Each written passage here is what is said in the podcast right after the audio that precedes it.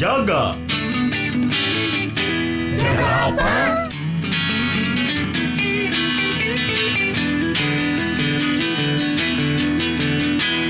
Jaga waras. Ya, halo, selamat dini hari para warga. Selamat datang di Jaga Terang episode ke-11. Di kesempatan kali ini kita bakalan ngobrolin sekolah.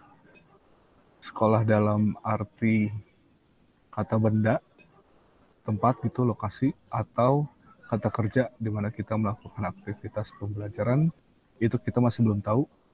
Kita akan ngobrol ngalor ngidul tentang itu.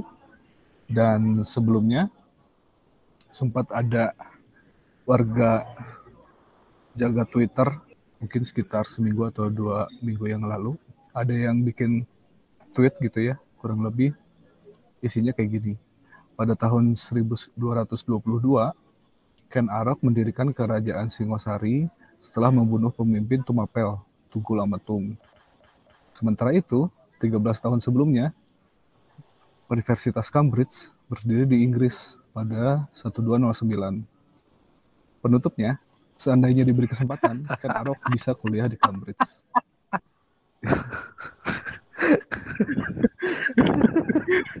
Itu bener.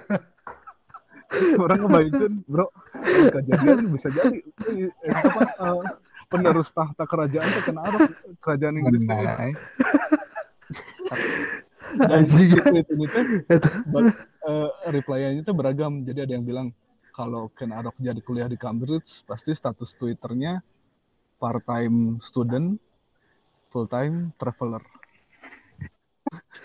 Full time conqueror aja. Orang penasaran Ya.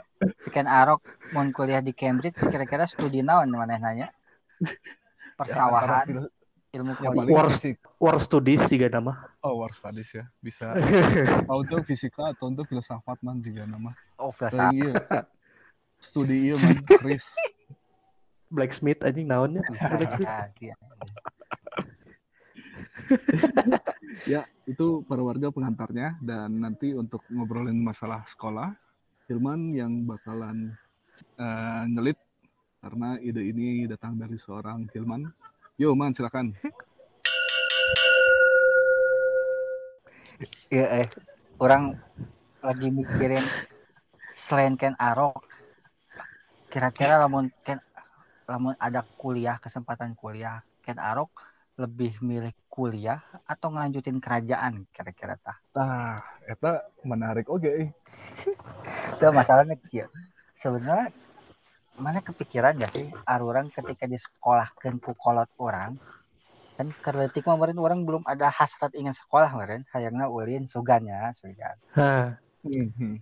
kepikiran gak sih sebetulnya niat kolot orang nyekolahin orang sebenarnya kira-kira karena apa gitu motivasinya cek lamun cek mana kumaha aja kira-kira motivasinya naonnya nyekolahin orang kolot Ah, orang Oke.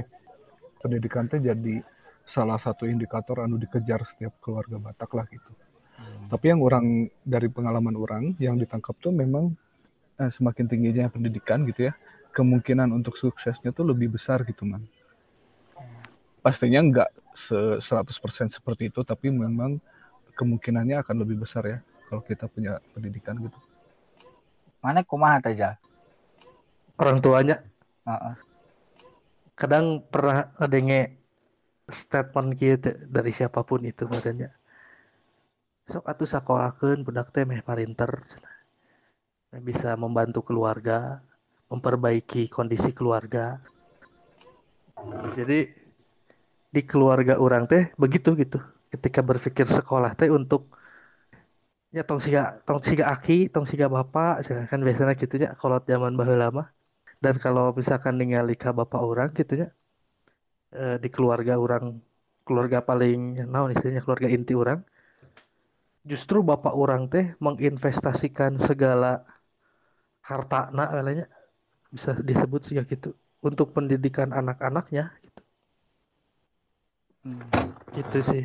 Dan bapak orang teh satu-satunya anak ti aki orang yang mengenyam pendidikan tinggi. dan hanya bapak orang yang sadar akan hal itu. Istilahnya sok sakola gerak. Eh bisa rubah lah hirup teh begitu gitu wae. Hidup teh tidak begitu saja silahkan sekolah. Sok sekolah sekolah sekolah nah gitu loh. Sarua sih sih karena orang gitu kan. Ketika maneh sebagai manusia sadar orang teh sekolah kan wah anjir hampir seperempat hidup be aku sekolah. Ngerasa tuh sih so, Ya. orang kuliah no oke lah orang kuliah kan ya. Kita nepi ke umur berapa? 25 ya? Hmm, hmm, hmm. Hmm. Lamun misalkan umur orang 100 ya teteh saperempat hirup. Nah mana yang ngerasa ini enggak apa ketika sudah jadi manusia sadar gitu? Mana kecewa nggak sih sama sekolah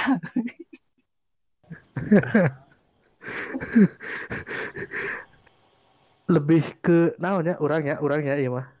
Ah, dari pengalaman mendapatkan informasinya mah kan ketika bicara sekolah kan orang datang ke sekolah teh pergi sekolah duduk menyimak seseorang berceramah di depan kelas. Kita dapat informasi baru pulang ke rumah dikasih uang sama orang tua bayaran itu yang kita tahu gitu kan. Jajan nah terus terus terus gitu. Sampai akhirnya kita tahu oh ternyata sekolah teh aya kurikulumna oh ternyata sekolah teh punya praktikum. Oh sekolah teh punya anggaran nah. Ketika sudah mengetahui hal-hal yang di luar jajan bayaran sama dengerin guru berceramah dan ngerjain tugas teh jadinya mulai rada-rada ting terbalik ternyata di sekolah teh mana Em, kalau pengalaman orang ya man, orang kan SD SMP swasta Karestennya man, orang menikmati sih proses waktu orang sekolah. Maksudnya yang orang nikmati teh, orang ketemu sama orang-orang yang seumuran orang, eh, yang jadi partner buat belajar, partner buat main gitu. Jadi kenal lah satu sama lain. Walaupun di luar sekolah sebenarnya kan orang pasti boga baturannya tetangga lah gitu. Tapi yang waktu SMA memang orang lumayan ngerasain lumayan kaget sih man dengan sebelumnya gaya gaya swasta gitu. Terus ke negeri ya lumayan kaget juga. Walaupun bukan artinya orang nggak dapat sesuatu dari sekolah gitu. Jadi kalau ditanya nyesel atau enggak, kayaknya orang enggak sih, enggak Nggak nyesel, nyesel sih ya. untuk sekolah gitu. Oh, tidak tidak tidak cukup kecewa lah ya lebih banyak bahagianya. Orang kemarin lagi ngelamun orang asup SD sih sakolakeun kan. Karena semua orang gitu gitu. Geus asup umurnya orang sekolah gitu. Geus geus beres sekolah ritmena kita gawe gitu kan. Gawe ke kawin kan kita pada ngerasa nggak sih ketika maneh jadi manusia yang udah sadar ekspektasi maneh terhadap sekolah berubah gitu. Misal contohnya Hmm. gini semakin tinggi pendidikan orang ekspektasi terhadap apa yang dia dapat akhirnya semakin tinggi. Percaya nggak? Mana merasa gitu nggak Mhm. orang-orang?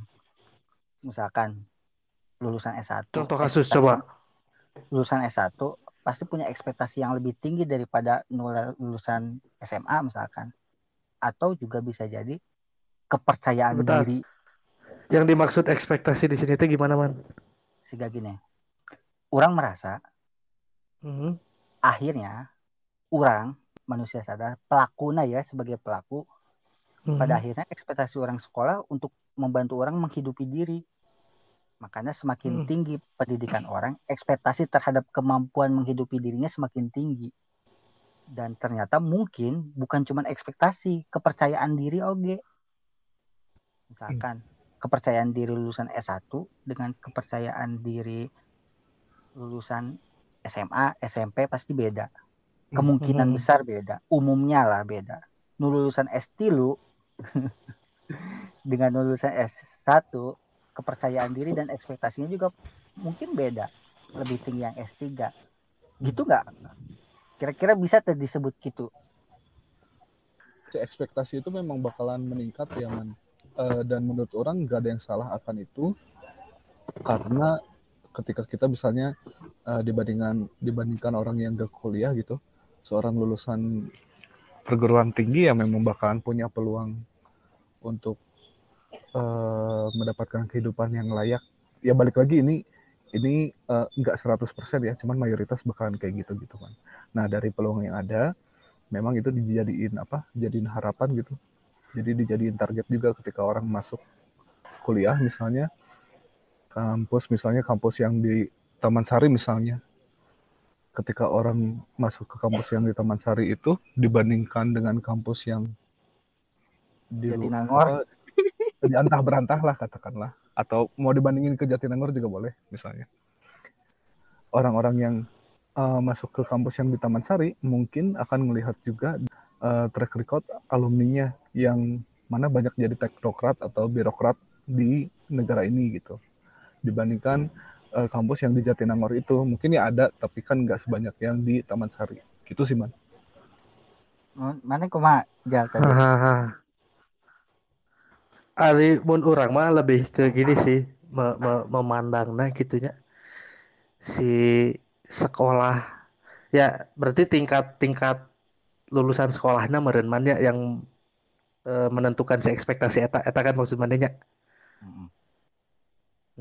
Bisa Nah. jadi gitu. ya isti eh, istilahnya kieu ini mah seiring informasi yang dia dapat dari sekolah ya bah baik itu ilmu maupun informasi terus ketemu orangnya juga teman-teman di sekolah gitu kan guru. Nah oge jadi ketika kita datang misalkan oke kita anggap SD nya di SD gitu kan. Enak SD kita sekolah SD paling di sekitaran rumahnya teh. Sejauh-jauhna meren SD teh di kecamatan lah gitu. Kalau nggak di kelurahan atau di desa lah kita sekolah teh. Orangnya ya pasti wow gitu. Orang teh utama si si Budi anak Pak Abdul gitu teh. Si Tono anaknya Cetiti misalkan siapa anaknya siapa gitu. Kita teh masih bisa kenal gitu di situ teh dan informasi yang ada di situ teh ya udah di situ-situ aja sudah. Dan kit- ketika kita lihat si lingkungannya seperti apa juga akan merefleksikan si ekspektasi. Nah oke. SD ketika kita berhenti misalkan sekolah teh sampai SD wah sekolah teh. Ya udah di situ we. Sejauh rumah Pak Tono dan Pak Budi aja gitu ekspektasi kita teh gitu Jadi wajarnya lamun cek ente semakin eh, jauh langkah iya di Bet- berarti ekspektasinya Mm-mm. wajar. Berarti seharusnya itu lamun gitu orang mikir bisa jadi sebetulnya banyak dong seharusnya orang yang kecewa sama hasil sekolah karena ternyata ekspektasinya mungkin bisa jadi berbanding terbalik gitu dengan ekspektasi manehna. Nah, kalau terkait ter- ekspektasi eta merenya meren di awal teh ada si pemahaman tentang sekolah iya heula merenya si Gana yang meren orangnya baru paham itu setelah menjadi manusia sadar teh kalau kata maneh tadi kan bahwa sekolah teh meren dipahaminya teh harus secara apa ya? Bukan hanya sekedar kata tempat dan kata benda hungkul tadi seperti yang disebut di awal gitu bahwa sekolah teh kita teh datang ke suatu tempat terus kita melakukan kegiatan rutinitas gitu selama 25 tahun. Tapi di balik itu semua teh ada transaksi informasi knowledge gitu di dalam sekolah teh. Dan tujuannya untuk apa gitu kalau secara sejarah gitunya sekolah teh ada muncul di ancient Greek ancient Rome gitu ya di Eropa sana. Yang tujuannya teh untuk bikin orang-orang teh bisa lebih wisdom gitu untuk menghadapi kehidupan teh gitu. Jadi datang sekolah, ini ada informasi, ada ilmu seperti ini, seperti ini, seperti ini. Harapannya ketika mendapatkan informasi seperti itu, orang teh jadi lebih wise gitu untuk menghadapi kehidupan teh gitu. Ketika kita datang sebelumnya kita nggak tahu satu tambah satu itu dua teh kita sesumbar we bahwa hiji hiji tambah hiji mah opat lima genep wah nggak capruk sampai akhirnya menimbulkan kekacauan gitu di kehidupan teh tapi ketika kita datang ke sekolah hiji tambah hiji mah dua bro oh duanya oh oh berarti hiji tambah hiji mah dua dan ketika direfleksikan karena kehidupan teh oh hiji tambah hiji mah dua jangan melakukan yang hiji tambah hiji mah opat karena secara info dari yang saya dapatkan di sekolah teh tidak seperti itu nah kan Ari saya mah ke situ gitu ngelihatnya teh si sekolah mah tapi eta teh tidak semena-mena ti baheula urang mikir segala gitu man ya. Iya. Karena orang kia, orang kan mikir kia. Ada juga, mungkin bahkan banyak gitu lah misalkan soal kewisdeman ya, yang Heeh. bahkan mengenyam pendidikan tinggi pun enggak gitu, tapi pengalaman dia membuat dia wisdom gitu, gitu kan? Karena memang hmm, siapa Aristoteles siapa bilang tidak semua pengalaman jadi pe- pengetahuan gitu. Banyak orang yang dari pengalamannya tidak jadi pengetahuan gitu. Termasuk pengalaman dia bersekolah gitu. Jadi orang merasa kewisdeman tidak ditentukan juga oleh pendidikan gitu. Itu ya kalau misalkan itu Hari hari ini baru dia. Iya hari ini gitu. Akhirnya orang berpikir gitu. terus eh, kalau misalkan secara mainstream ya secara orang tutup mata lah dengan hal lain. Sebetulnya tujuan kita nih bisa jadi sekolah kan sebetulnya untuk penghidupan. Begitunya Hmm. penghidupan. Tapi lamun misalkan gitu banyak juga kok yang eh, sekolahnya tingkat sekolah kita beda-beda kan. Tapi banyak yang pendidikan tinggi eh, justru nganggur misalkan.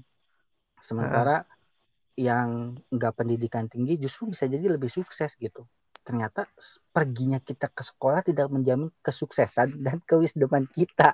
Gitu? Terus mak- maksud orang orang buat apa sekolah gitu? Tapi Oh. orang akhirnya berpikirnya bahwa sebenarnya mah salah-salah teuing sakolana jelema na we eta mah? Bisa jadi. Nah yang akhirnya jadi resah ya mana mana pernah nggak menemukan orang kecewa dengan hasil sekolah dia. Kemudian dia memutuskan lagi sekolah untuk meningkatkan taraf kehidupannya. Tapi ketika udah sekolah tinggi ternyata hasilnya nggak juga sama gitu nggak sebanding juga. Contoh gini deh. Orang pernah menemukan beberapa orang yang kecewa dengan hasil S1-nya, kemudian dia mau sekolah lagi S2, tapi setelah S2 tidak banyak berubah gitu kondisi kehidupannya. ya ya ya, ya. Jadi Oh, sebetulnya tujuan-tujuan akhirnya kan orang berpikir lagi tujuan-tujuan orang ngambil pendidikan teh apa ya? Apa jangan-jangan karena ijazah sama kayak orang cuma ngejar sertifikat gitu. Orang yang penting ngejar sertifikat gitu. Nah, Hmm, hmm, Jangan- hmm, hmm, hmm. jangan apa selama ini kita teh terpaku sama tuh gitu pengakuan legal mana berijazah S1 tuh lamun mana berijazah S1 boleh gawe di sini padahal kerjaannya belum tentu linear dengan pegawaiana Iya iya iya iya. terjadi sih eta emang.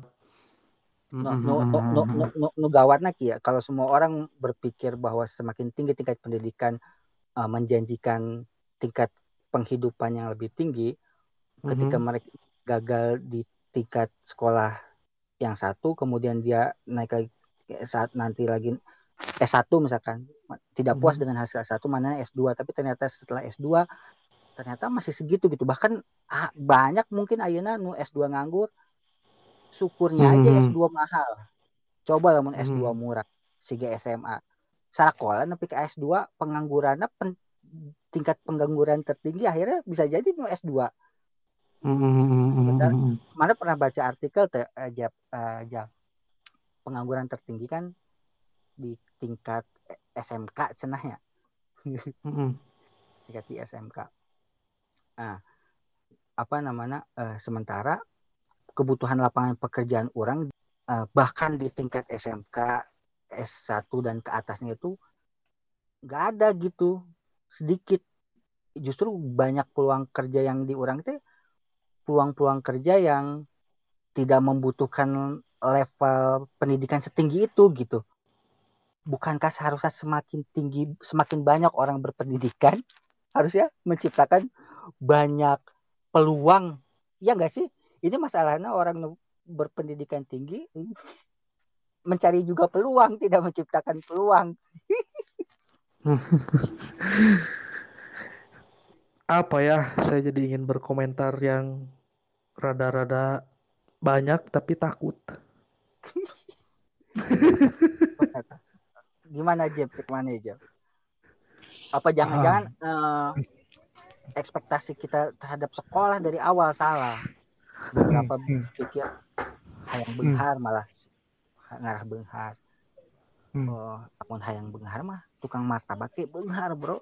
Malah bisa jadi tukang martabak jeung gaji orang gedean martabak terus orang mikir lamun misalkan bengharan tukang martabak geus seperti mimiti orang belajar masak Ya, ya.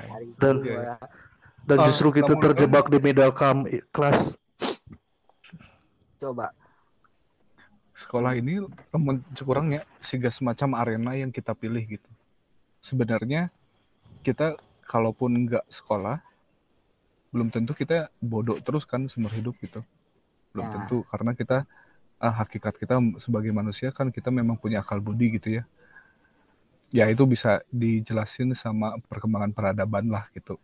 Cuman memang di Indonesia ini merhatiin nggak em, kalau kita tuh punya istilah belajar yang artinya itu ada dua proses ketika kita di sekolah dinamakan belajar. Ketika kita misalnya eh, merefleksikan pengalaman kita dan kita jadikan bahan untuk ke depan gitu, bahan apa eh, sebutlah evaluasi gitu, itu belajar juga kan ya. Sedangkan Hmm. kalau di bahasa Inggris kan mereka mengenal istilah study, mereka juga mengenal istilah learn. Jadi itu tuh Hmm. dua konteks yang berbeda eh, dan mungkin kita harus sepakati dulu nih si eh, belajar yang kita pengen tuju itu teh apa kalau misalnya mau belajar konteksnya learn ya memang gak harus di sekolah tapi kalau memang eh, belajar dalam konteks eh, apa yang satunya lagi tuh eh, sebuah proses gitu. Nah si sekolah ini memang jadi eh, studi. Si sekolah ini teh memang jadi lembaga untuk itu gitu. Dan nantinya si lembaga ini nawarin ilmu pengetahuan tapi eh, nawarin juga ya sebutlah misalnya bumbu-bumbu lainnya man yang misalnya nambah relasi gitu. Karena ketika kita lulusan kampus-kampus yang bonafit memang kita kan punya modal juga sebenarnya ya nantinya gitu dengan adanya si relasi itu teh. mana merasa diajarin gak sih tujuan sekolah di sekolah-sekolah mana?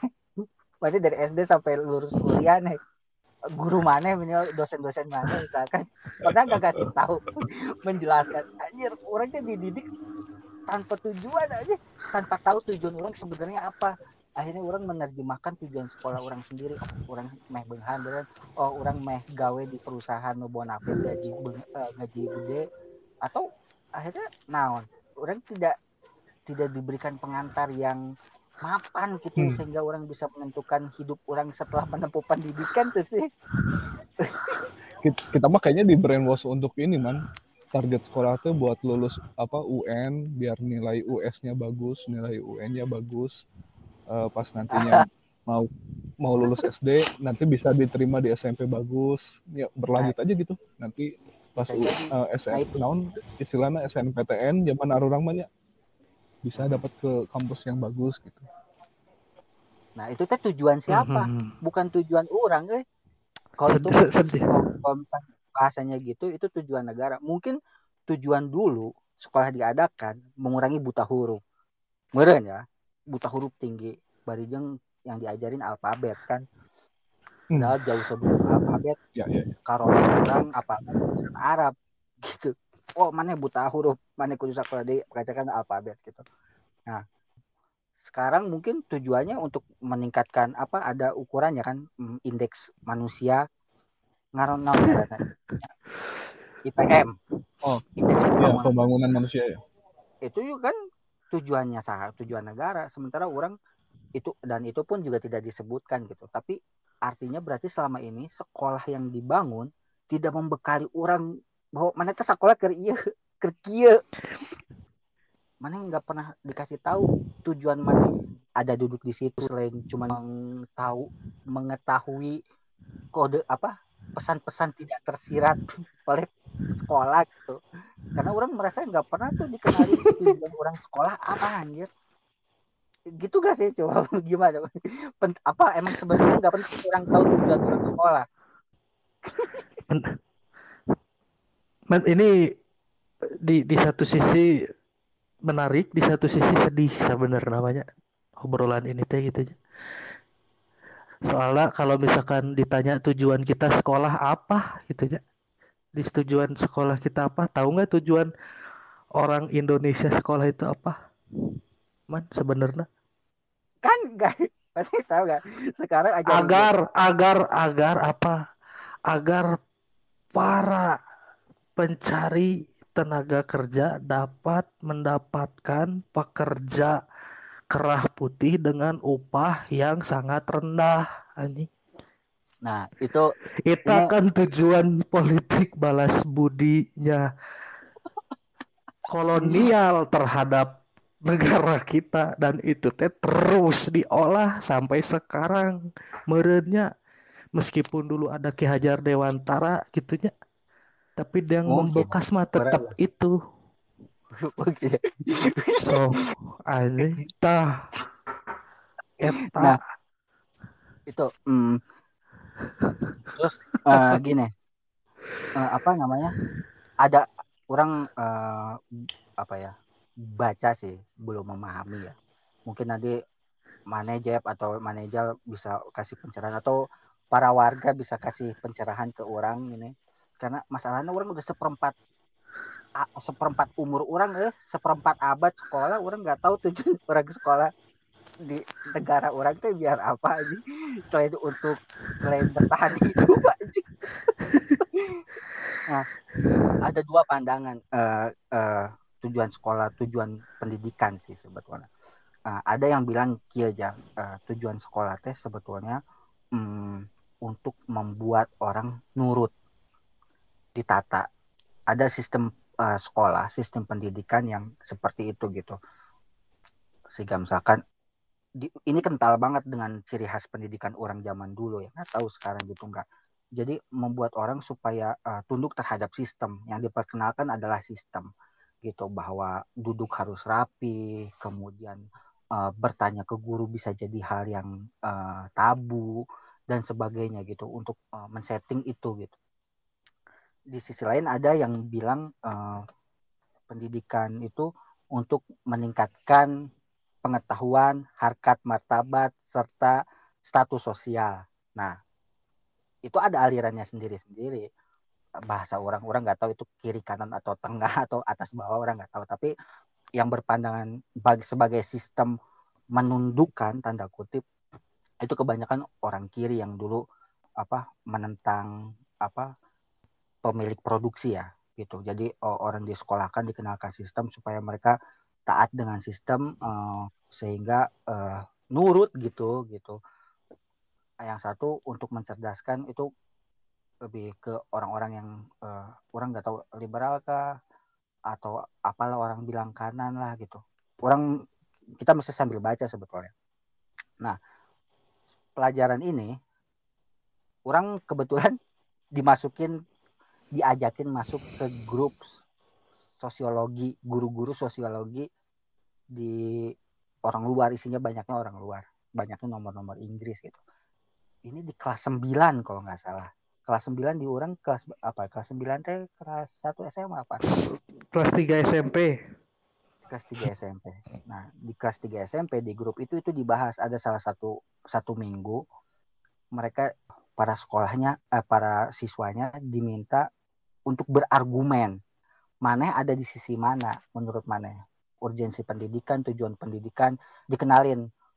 Penger- tujuan pendidikan menurut aliran ini. Pendidikan menurut aliran ini aliran ini aliran ini. Kan statementnya kan kanan kiri jomplang kadang ya. Nah si siswanya diminta mana ada di posisi yang mana? Berargumen. Nah jadi dengan proses itu orang memahami ini learning ya kita murid-murid memahami para para pembelajar memahami oh orang ada di posisi ini. Tujuan orang berpendidikan ternyata supaya ini. Atau bisa jadi itu juga dijadikan eh, pemahaman yang lain maksudnya jadi alat yang lain. Eh, kayak gitu. Nah sementara kan di orang enggak gitu. Orang dibekali ilmu-ilmu aja gitu. Nah mungkin itu makanya ya. Eh, bisa jadi jangan-jangan ke dulu dicetak banyak. Bisa jadi dulu tujuannya mem- mencetak banyak pekerja buruh bisa jadi supaya taat dengan sistem gitu bisa jadi gitu. Terus kemudian berkembang berkembang akhirnya kita kesulitan menciptakan lapangan pekerjaan kita butuh eh, lapangan pekerjaan didoronglah kewirausahaan kita harus buka wirausaha sementara kan membangun kayak gitu kan apa tesak kedeng anjir. Nah bahkan sekarang masih banyak tujuan orang tua mensekolahkan kan justru meh maneh gawe teh siga urang kolot kan gitu kan. Hmm. kolot orang kan masih golongan yang dulu gitu melihat bahwa bekerja adalah derajat tertinggi seorang warga negara anjir. Jujur-jujuran kolot orang melihat lulusan kuliah harus berkemeja anjir. Kuliah lulus kuliah teh mana gawe berkemeja berdasi. Sementara nu berdasi sales. Tukang minta sumbangan di pinggir jalan bukan sales ya tukang sumbangan minta di pinggir jalan juga bisa pakai kemeja dan eh, berdasi gitu. Nah jangan-jangan banyak dari orang juga gitu gitu. Sehingga ekspektasi kita terhadap sekolah tuh gitu gitu. Sehingga sistem pun begitu gitu. Akhirnya nu penting ada ijazah. Nggak makanya banyak mana ya, pasti tahu kan banyak kampus anu bodong. Yang penting ijazah keluar mana bisa bayar berapa. Ada kayak gitu kan ada banyak. Hmm. bukankah itu justru jadi Udah jelas ke sekarang satu situ tujuannya eta mah. ip- misalkan kita melihat tingkat pendidikan tinggi tapi di sisi lain dengan tingkat pendidikan tinggi ternyata tingkat kemahiran tenaga kerjanya kan rendah. Coba boleh di search deh. Betapa sudah jauh. Terus apa betulan apa betul segitu ya jangan-jangan yang dibilang kita ketinggalan 100 tahun teh untuk pendidikan? Coba orang orang sedang resah anjir coba mana jal jal kasih pencerahan lah ke orang gitu. Ari orang mah manja akhirnya gitu. Meskipun dari awal sih orang mikir sekolah. Cuma cerita pengalaman pribadi we nya. ketika orang milih untuk melanjutkan sekolah ke perguruan tinggi gitu di saat itu. Yang justru sigana bapak orang lebih eh, apa ya lebih aware gitu terhadap personal development anaknya gitu nyata orang gitu. Karena pada waktu itu teh orang berpikir bahwa kenapa orang masuk sosial politik itu sekolah mi- milihnya dulu teh? Karena orang SMA hobi motretnya. Dari SMA kelas 2 bapak orang teh udah menyarankan untuk sok dan silahkan. Kalau misalkan hobi motret mending sekolah ngambil fotografi we. Atuh. Udah gitu bapak orang teh. Tapi justru orang di situ berpikir bahwa ah hari sekolah fotografi mah kayak orang gawe naon. Eta kan. Geus we, ah eta mah bisa disambil. Geus we urang mah Erik nyokot visip. Meh bisa jadi PNS demen. Eta aing mikir siga gitu karena apa berpikir seperti itu? Karena orang memang background dari keluarga yang biasa saja gitunya pada waktu SMA di akhir-akhir waktu SMA orang datang ke tempat temen gitunya anu secara ekonomi teh lebih eh, baik daripada orang dan orang bertanya bapak mana gawe naon? Bapak orang gawe di gedung sate. Sekolahnya di mana? Kuliahnya baheula bapak mana? Di STKS cenah. Wah didinya. Berarti orang kudu kuliah di dinya meh orang bisa gawe di gedung sate. Orang berpikir seperti eta man pada tahun itu gitunya. Dan melewatkan Tapi tawaran bapak capainya, Sal. Deket lah, Gedung- deket dengan suratnya.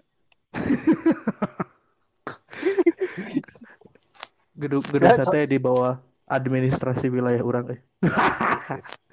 mantap ya nah terus? Justru orang mau mau sorry jal. Orang tanya lagi seandainya ya. Walaupun kita sebetulnya tidak tidak cukup layak ngomong seandainya ya karena akhirnya waktu berjalan kan yang Iya, wi. udah nggak bisa diputar.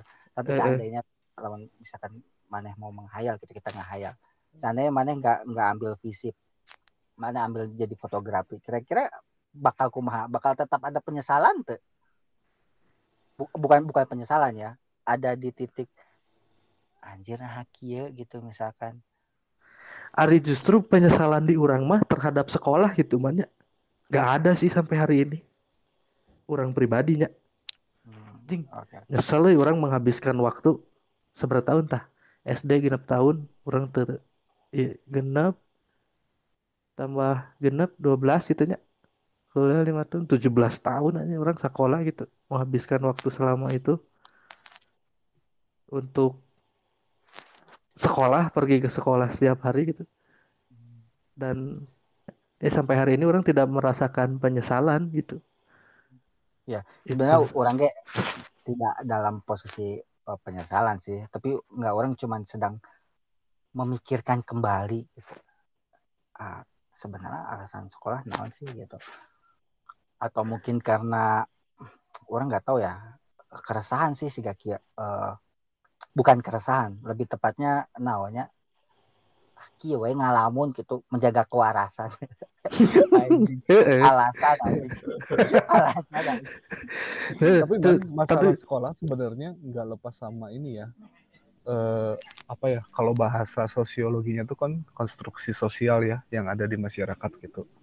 Maksudnya ya kalau mau misalnya dibandingin gitu, seseorang yang sekolah, seseorang yang kuliah dibandingin sama seseorang yang nggak sekolah atau nggak kuliah, masyarakat secara umum pasti milih yang pertama dong.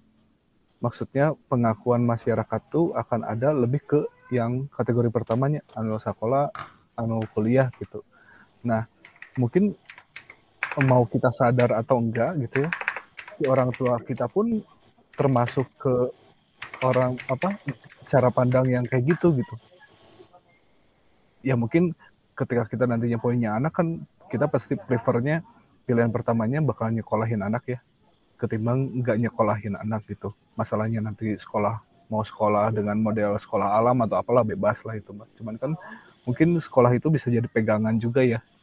Ya misalnya dia punya cita-cita apa, dia seenggaknya punya peluang yang cukup biar dia bisa ngejar si cita-cita itu. Itu Mbak. pasti sih orang dia bakal gitu pasti pilihannya sekolah gitu. Mu- mungkin lebih lebih ke menekankan lagi mudahnya ke anak kita wah gitu ya apalagi kemudian si Hilman mah udah udah punya anaknya orang oge gitu. Pasti bakal lebih aware terhadap hal ini dan ari orang pribadi mah akan lebih menekankan ke anak teh untuk berpikir bahwanya sekolah teh jang maneh menang ilmu gitu. Untuk mendampingi hirup maneh nah gitu sih. Ya. basicnya Tapi- aja gitu ke si anak teh tanpa harus ada kamu harus ranking satu ya. Kamu harus masuk ITB ya. Kamu harus ini. Nah justru kalau kita melakukan tindakan seperti itu kepusingan tadi si Hilman bengong-bengong si Hilman akan terus bengong terulang lagi terulang lagi. Ya itu sih. Anu mana ceritakan man. Eh, anak anak kelas berapa sembilan ya di apa di Inggris sana mereka kita diminta untuk berpendapat gitu ya man. Nah itu menurut orang contoh yang ideal. Jadi kalau orang ingat waktu orang SD atau SMP itu ya, anggaplah waktu mencongak gitu, waktu eh, apa mata pelajaran matematika gitu. 26 ditambah 9 berapa? 35 gitu. Siapa yang bisa menjawab itu dengan tepat, dengan cepat itu bakalan dipandang lebih oke gitu ya. Nah, tapi orang nggak ingat pengalaman orang ketika orang ditanyain pendapat orang akan sesuatu. memang Yang nggak pernah kayaknya Nah, yang di Inggris ini itu teh menurut orang contoh yang ideal di mana kita bisa mengemukakan pendapat kita plus eh, dijelaskan dengan reasoning kita ketika menyampaikan pendapat itu. Nah, poinnya adalah sebenarnya gimana kita punya titik pijak gitu untuk berpendapat dan eh, si guru itu membantu si murid-muridnya biar punya landasan itu gitu. Ya jadi nggak sepenuhnya nggak nggak sepenuhnya oh nggak kayak gitu kamu eh, pendapat kamu masa kayak gitu sih. Nah nggak kayak gitu tetapi lebih ke poinnya itu lebih ke cara si gurunya memahami cara pandang si muridnya lah gitu. Nah, iya Jack, orang mau nyambung. karena Hmm. mungkin karena kebiasaan di kita sistemnya begitu ya. Eh, kita Hmm, mana hmm. ngerasa nggak sih kita eh, terbiasa dengan pola benar salah. Sementara kalau ya, dengan ya, ya, ya. argumen, kenapa mana ali pilih jawaban itu gitu? Kenapa mana ada di posisi itu? kalau di kita enggak, bahwa kalau misalkan A ya A gitu, B ya B gitu, kita nggak bisa nggak nggak apa nggak dibiasakan berpendapat. Akhirnya bisa jadi itu alasan kenapa mana pernah ngerasa nggak sih? Orang nggak tahu ya ini obrolan warung kopi ya. Or- orang kopi tukang becanya bisa jadi benar gitu. Semua Ganti orang atuh man. Warung burjo weh ayeuna mah. Kan minggu kemarin udah. Oh burjo warung kopi. burjo gitu. Oh, wah burjo burjo. Setiap orang benar dengan pengalamannya kan Jepnya setiap orang benar Hmm. dengan pengalamannya. Mungkin itu justru sampai akhirnya kita eh, minim invention di kita teh mungkin karena itu tidak terbiasa berpendapat kemudian eh, alasan berpendidikannya pun eh, apa mungkin giroh berpendidikannya pun jadinya tidak apa tidak termaksimalkan gitu hanya sekedar sekolah menang pengakuan tanda kutip pengakuan kita sama-sama bertarung di lapangan pekerjaan gitu sampai kalau mau ayah job fair teh, wah gitu. Hmm, hmm, sementara kalau misalkan seandainya mungkin ceritanya lain gitu ketika kita terbiasa berpendapat kita berpikir mandiri hmm, akhirnya akhirnya banyak ide-ide gitu. Nah jangan-jangan bukan kemudahan berusahanya yang kurang di Indonesia. Mungkin keberanian kitanya yang kurang. Mungkin gak sih? Bisa bisa jadi bisa jadi Hmm. banget. Dan dan itu kayaknya nular juga deh man maksudnya ketika kita nggak dibiasakan untuk berpendapat mengemukakan pen- pendapat gitu ya orang-orang di sekitaran juga sekitaran kita juga mungkin bakalan terpengaruhi juga gitu Iya benar. Coba hmm, akhirnya kita banyak takut gitu. Siga kia. Eh, Terobosan itu kan dimulai dengan hal-hal yang tidak biasa. Gojek. Siapa yang dulu apa banyak orang yang nolak juga kan sampai ke ada kerusuhan gitu. Kemudian apalagi revolusi industri itu juga kan sebetulnya terobosan-terobosan anjir. Yang pasti apa namanya ada ada gejolak lah pasti setiap orang menem, eh, berhadapan dengan perubahan kan bergejolaknya gitu nah di orang mungkin karena takut dan biasa eh lain nak itu mah geus biasa kieu gitu. Nah akhirnya kita tidak terbiasa dengan mencoba terobosan gitu. Itu aja sih. Orang keresahan orang udah tersampaikan. Jadi tapi Menurut- memang isu yang kita obrolin ini apa ya selalu menarik untuk diobrolin ya.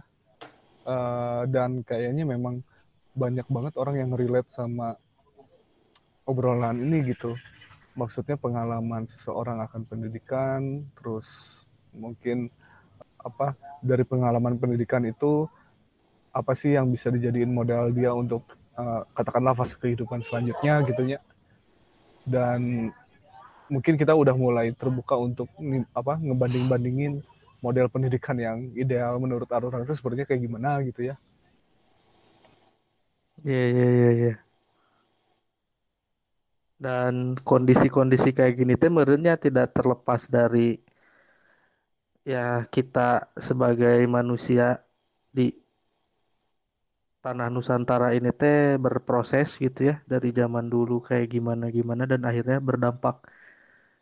Bukan berdampak merenya eh ya sampai hari ini teh hasilnya begini gitu.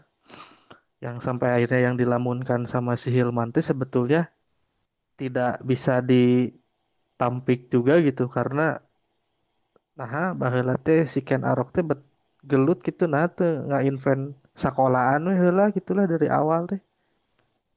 Meren kita akan lebih mudah gitu untuk melakukan manuver-manuver dalam kehidupan gitu. Tapi lo mau dipikir mostly nih nu orang pelajari di sekolah sebetulnya bermanfaat sih di kehidupan kita orang Ya membayar itu maksudnya ari-ari ari orang mah akhirnya pertanyaan-pertanyaan itu tehnya akan gugur ketika orang memahami proses nahabet aya sekolah di Indonesia gitu. Karena si ya di, di tempat orang hidup aya nanti kita tidak tidak tidak berproses untuk men- me- memahami istilah sekolah itu sendiri gitu karena sekolah tehnya datangnya di Eropa, di Timur Tengah gitu. Sistem sekolah, sistem pendidikan sedangkan si hayam muruk sorangan teh dan kawan-kawannya pada saat itu nya tadi eta tidak oh itu mikirkan kumaha ya orang juga nyugemakeun rakyat gitu. Ayo kita inventarisir pengalaman-pengalaman kita di Indonesia untuk eh, dijadikan pelajaran bagi rakyat kita. Tapi yang diceritakan teh sejarah-sejarah teh eta panglima perang lah, yang gagahnya berperang melawan ini, berperang melawan itu. Bukan cerita-cerita tentang bagaimana eh, si raja teh bisa mengayom rakyatnya dan segala macam gitulah ya sampai akhirnya wah muncullah Ya, univers ya sorry Heeh. Nah, gitulah perspektif orang. Jadi a- akhirnya ketika berpikir seperti itu teh, eh ya awalnya aja udah seperti itu gitu dan akhirnya kita harus kembali memahami dari awal heula. Itu hari orang mah akhirnya teh gitu. Ini juga nih Gimana seandainya gimana gimana gimana. seandainya ya seandainya seandainya memang eh, lah di Indonesia kira-kira orang akan sebarbar masyarakat Indonesia emang bakalan sebarbar itu nggak kira-kira? Atau nggak ada sekolah Ketika apa? di di Indonesia ini nggak pernah ada sekolah sama sekali. Apa barbar misalkan? Atau sangat tidak tahu tata krama misalkan? Atau atau bakal kayak gimana sebenarnya? Kalau misalkan ini ya kalau pendidikan adalah terkait tata krama kayak gitu ya. Kalau kalau penemuan itu pasti ya eh, itu kan sesuatu yang memang harus dipelajari melalui riset kemudian akhirnya terciptalah penemuan gitu. Sampai situ kan. Sam- orang memahami se- sejauh ini salah satu manfaat tertinggi pendidikan adalah penemuan-penemuan gitu kan. Heeh. ya ada telepon akhirnya ada satelit akhirnya akhirnya ada robot ada mobil. Itu kan hasil-hasil dari eh, riset penemuan akhirnya Heeh. jadi terobosan. Dan orang di situ kan enggak juga. Teknologi masih impor semua kan.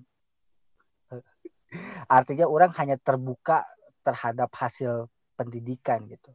Nah seandainya di Indonesia nggak pernah ada sekolah jangan-jangan nih meret ini ini aja jangan-jangan sama-sama aja gitu. Sama-sama aja kayak apa? sama-sama aja kayak sekarang. Pada akhirnya gitu karena eh, tata krama sopan santun itu kan nilai yang sebetulnya tanpa sekolah pun kita belajar. Ya, ya kan? Itu juga turun temurun lah atau ada sistemnya sendiri gitu. Tanpa sekolah pun bisa jadi eh, tetap gitu gitu. Kalaupun gak ada sekolah kita kan kayaknya nggak akan sebarbar itu deh. Apa akan sebarbar itunya orang ya? Pemuncik orang mah nggak akan sebarbar itu ya, man kalau asumsi orang si kerajaan-kerajaan penguasa-penguasa zaman dulu teh nggak berperang ya man ya, nggak berkonflik gitu. Karena kita kan sebenarnya kayak akan kearifan lokal juga ya sebenarnya man. Di Bali misalnya tradisi subak gitu, itu teh diakui lah sebagai inovasi yang datang gitu dari Pulau si Bali itu teh. Terus eh, ya banyak lah sebenarnya sesuatu yang memang itu jadi ciri khas atau temuan yang ada di Nusantara dan sebenarnya itu teh kan eh, melalui proses yang panjang juga ya man ya, sebenarnya komunitas adat lah misalnya sebutnya man ya. misalnya komunitas adat yang di Baduy gitu mereka mereka tuh kan punya nilai-nilai yang dijaga gitu ya Eh, ada hutan yang boleh di- apa dengan pepohonan yang boleh ditebang tapi ada juga hutan yang nggak boleh diapa-apain gitu ya nah dunia sekarang melihat itu sebagai pembangunan yang berkelanjutan gitu. Tapi sebenarnya yang dilakukan oleh suku Baduy ini kan sebenarnya udah lama juga gitu. Jadi sebetulnya proses belajar yang dengan konteks learn sebenarnya mah ya kita sebagai manusia mah akanlah akan melakukan itu gitu. Cuman memang eh, si sekolah dalam konteks bangunan atau lembaga gitu itu tuh memang menjadi media yang eh, nawarin layanan itu gitu. ya pada akhirnya hasil sekolah ada di orang teh gitu melembaga seperti itu jangan-jangan belum sampai pada eh, pencapaian puncaknya gitu kita masih sibuk bahkan iya kan akhirnya kita masih Ya, ya, sibuk sama hal-hal yang Hmm. sifatnya Hmm, hmm, misalkan krama Istilahnya kan marwahnya man ya. ah marwahnya untuk sampai Ya, ya. menemukan Hmm, hmm, hmm, hmm. jadikan penemuan gitu orang di luar sekolah adanya sekolah dengan adanya institusi pendidikan lah lembaga secara lembaga hmm, menciptakan penemuan gitu menghasilkan apa menjadikan apa akhirnya mempermudah hidup kita dengan hasil-hasil penemuannya gitu kan. Nah kita jangan-jangan belum sampai ke sana gitu hanya mencetak tenaga kerja tenaga kerja gitu. Hanya mencetak tenaga kerja berpendidikan gitu atau hanya mencetak dalam tanda kutip gelar-gelarnya saja lulusan SMA lulusan kuliah. Gitu. Tapi hasil dari itu kayaknya kita belum capai ke sana gitu. Kita masih sibuk kalau gitu masa duit gitu. Bedanya apa? Bedanya kita lebih bersifat materialistik. Baduy tidak ya gak sih? Dan orang Baduy nggak punya Hmm, masalah hmm. dengan itu. orang. tanpa dia menggunakan inovasi yang ada pun mereka bahagia gitu. Kecuali tiba dia di kota kemudian dibandingkan dengan pencapaian peradaban tanda kutip baru mereka akan merasa terasing nah orang kayak gitu kalau seandainya dia masih gitu kan nggak ada masalah. Hidup dengan alam selaras. Dia tidak membutuhkan Hmm. tanda kutip tidak membutuhkan uang. Hmm. karena ada apa ya ini gini perubahan cara hidup yang akhirnya lebih materialistik. Akhirnya akhirnya kita membutuhkan mobil akhirnya kita membutuhkan jalan raya membutuhkan handphone membutuhkan internet. Itu justru yang bikin kita tersisih gitu sementara kan kalau misalkan orang Baduy begitu saja seandainya atau kita nih semua Indonesia kita semua Baduy kayaknya kita nggak akan punya hidup tetap begitu dan kita akan bahagia gua rasa tanpa handphone tetap bahagia Ya bisa jadi man. Karena mereka punya konsep kebahagiaan tersendiri juga ya, yang melekat gitu di bagian komunitas Baduynya. Dan kita punya konsep kebahagiaan yang kita terima waktu dari sekolah. nah itu dia artinya kan sebetulnya Meren berarti si sekolah teh harusnya fungsinya teh bisa bisa me- me- menyebarkan si konsep kebahagiaan secara bersama eta tadi meren harusnya mah. bisa bisa jadi bisa jadi teu. karena karena gini Jal tadi dibilang si Jeffrey konsep hidup yang seperti itu di, dibilang inovasi menjaga ke alam gitu kalau gitu justru kalau gitu justru bukankah sekolah yang menciptakan akhirnya kita membutuhkan mobil dan menguruk isi bumi? Bukankah kita yang sekolah itu yang bikin kita merasa oh kita perlu handphone. Akhirnya kita ke isi akhirnya bumi rusak kan? Gitu gak sih? Ya benar benar man.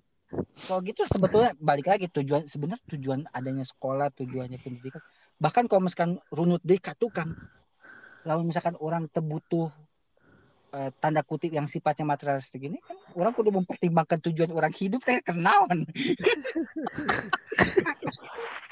iya iya. iya, iya. apakah untuk menikmati semua hasil sekolah tapi semua hasil sekolah kan ternyata membawa kerusakan pemanasan global aing liar Aduh, nah, ya. orang orang liar kieu ge kan kada sekolah anjing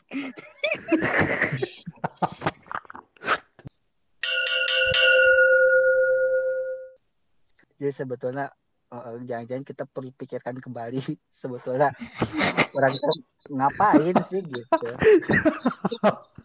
sebenarnya eh, atau sebenarnya kita nu ngapain aja dipikir-pikir geus wae ngikutin nu aya Mana ya aji kurang. Iya.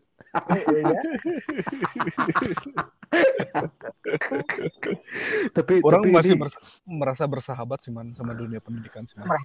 Walaupun eh, si COVID ini bikin pen- pendidikan masa depannya ada tanda tanya man. Maksudnya pernah dengar nggak istilah si COVID ini teh bikin kocok ulang eh ibarat orang main monopoli mah gitu. Kabeh tatanan teh bisa jadi dikocok ulang pada si COVID itu teh termasuk pendidikan. Jadi sebenarnya Hmm. vaksin teh ya chip nate Jeb. Ente jika SIM cardnya SIM card anu badak teh geuning. anu IM3 zaman baheula anu sakali beli teh sabaraha puluh ribu anjir mahal. Aja teh kebayang tuh mah nyarina eta vaksin aya kita aya tengah. Tapi orang Tapi- sebetulnya eh, tetap sekolah orang mm, apa sekolah tetap jadi penting ya. Hmm. Ya gitu. eh, mungkin justru eh, tujuan sekolah teh tercapai dengan akhirnya orang berpikir kayak gini gitu. Tapi kan salah satu tujuan sekolah gitu. Ah Eh, iya juga iya iya. iya. memi- memikirkan kembali eh, kebermaknaan orang, memikirkan kembali kebermaknaan hidup orang, kebermaknaan ilmu yang udah orang dapat teh dijadiin apa gitu. Itu kan sebetulnya Iya, iya, iya. bukankah itu juga hasil sekolah gitu, hasil pendidikan. Justru kita yang ditunggu nih sikapnya gitu dengan kesadaran maneh yang semakin tinggi karena sekolah eh, marane bisa buat apa gitu? Apakah sibuk dengan jalur mainstream yang eh, ya yang penting orang bertahan hidup misalkan jadi sendiri gitu kan orang Hmm. sih mikir gitu. Jadi sebetulnya bukan bisa jadi bukan sekolahnya yang salah eh, tapi bisa jadi pengelola sekolah anu salah. Penjaga sekolah anak penjaga sekolah anu salah atau orang anu salah ya, sama orang sih wasiknya gitu sih dia so, Hmm, Atau malah lebih jauh sistem pendidikan di negara tertentu, man. bisa jadi Misalnya kita pendidikan. sekolah dengan kurikulum waktu itu kan SD misalnya masih zaman Orde Baru dengan dengan doktrin-doktrin yang mereka aja gitu yang bisa nentuin kan. bukankah sampai sekarang kayak gitu Nah, mungkin ini bisa jadi next episode man. Sekarang kan tagline-nya eh, kampus merdeka, merdeka belajar man. semerdeka apa sih Semerdeka apa kita, semerdeka apa sekolah, semerdeka apa perguruan tinggi. Tah, eta meureun bisa jadi episode kita selanjutnya. prakarya aja ditangkap Tah, eta bener. Eta dicari kan anjir sebenarnya eta praktik mata mata kuliah seninya lah untuk salah man eta teh. di SD Jeff di TK geus diajarkeun Heeh, anjir. Tapi Di-. Heeh, di SD kene diajar huruf ngegambar geus ngagambar Hmm. tewak. Aduh. Ya, begitulah. Ya, begitu ya para warga episode ke-11 tentang dunia sekolah dan rasanya saya sangat menikmati obrolan ini mungkin mana menikmati banget tuh Man Zal banget seru ya. gitu? Apa eh, ya tadi re- rethinking sekolah we ya mah. Jadi sekolah teh Mhm. setelah Ya. kita lalui sepanjang ini teh dengan ngobrol sih tadi teh jadi oh kayaknya. Dan semoga ke depannya nu tadi tadi eta teh eh, ya emang bener-bener harus dipikirkan dengan ilmu yang orang udah punya teh. Ya sok atuh kumaha cik ya atuh. Ya ya tah Ya, nah itu kan. Itu sih. Orang kayak menikmati sih Jeff Mhm. walaupun nilai keilmiahannya kurang ya. Pasti Ya, orang ya. yakin orang-orang yang sangat berpikir ilmiah ini menghujat obrolan orang karena tidak ada sisi ilmiahnya sama sekali. Mana emang Ya, kan campur sesuai perasaan mana kan gitu tapi nyamperin batur ramun ngadengnya mah makanya kalian tuh kuliah lagi. Nanti diajarin filsafat pendidikan itu tuh ada beberapa jenis aliran filsafat pendidikan kamu mau pilih yang mana? Itu merun bisa menjelaskan nah meureun gitu. Oke begitu ya para warga. Semoga kalian semuanya pada menikmati episode kali ini terus terus bersemangat untuk meningkatkan kualitas pendidikan di mana pun kalian berada. Oke ciao. Jaga. Jaga apa?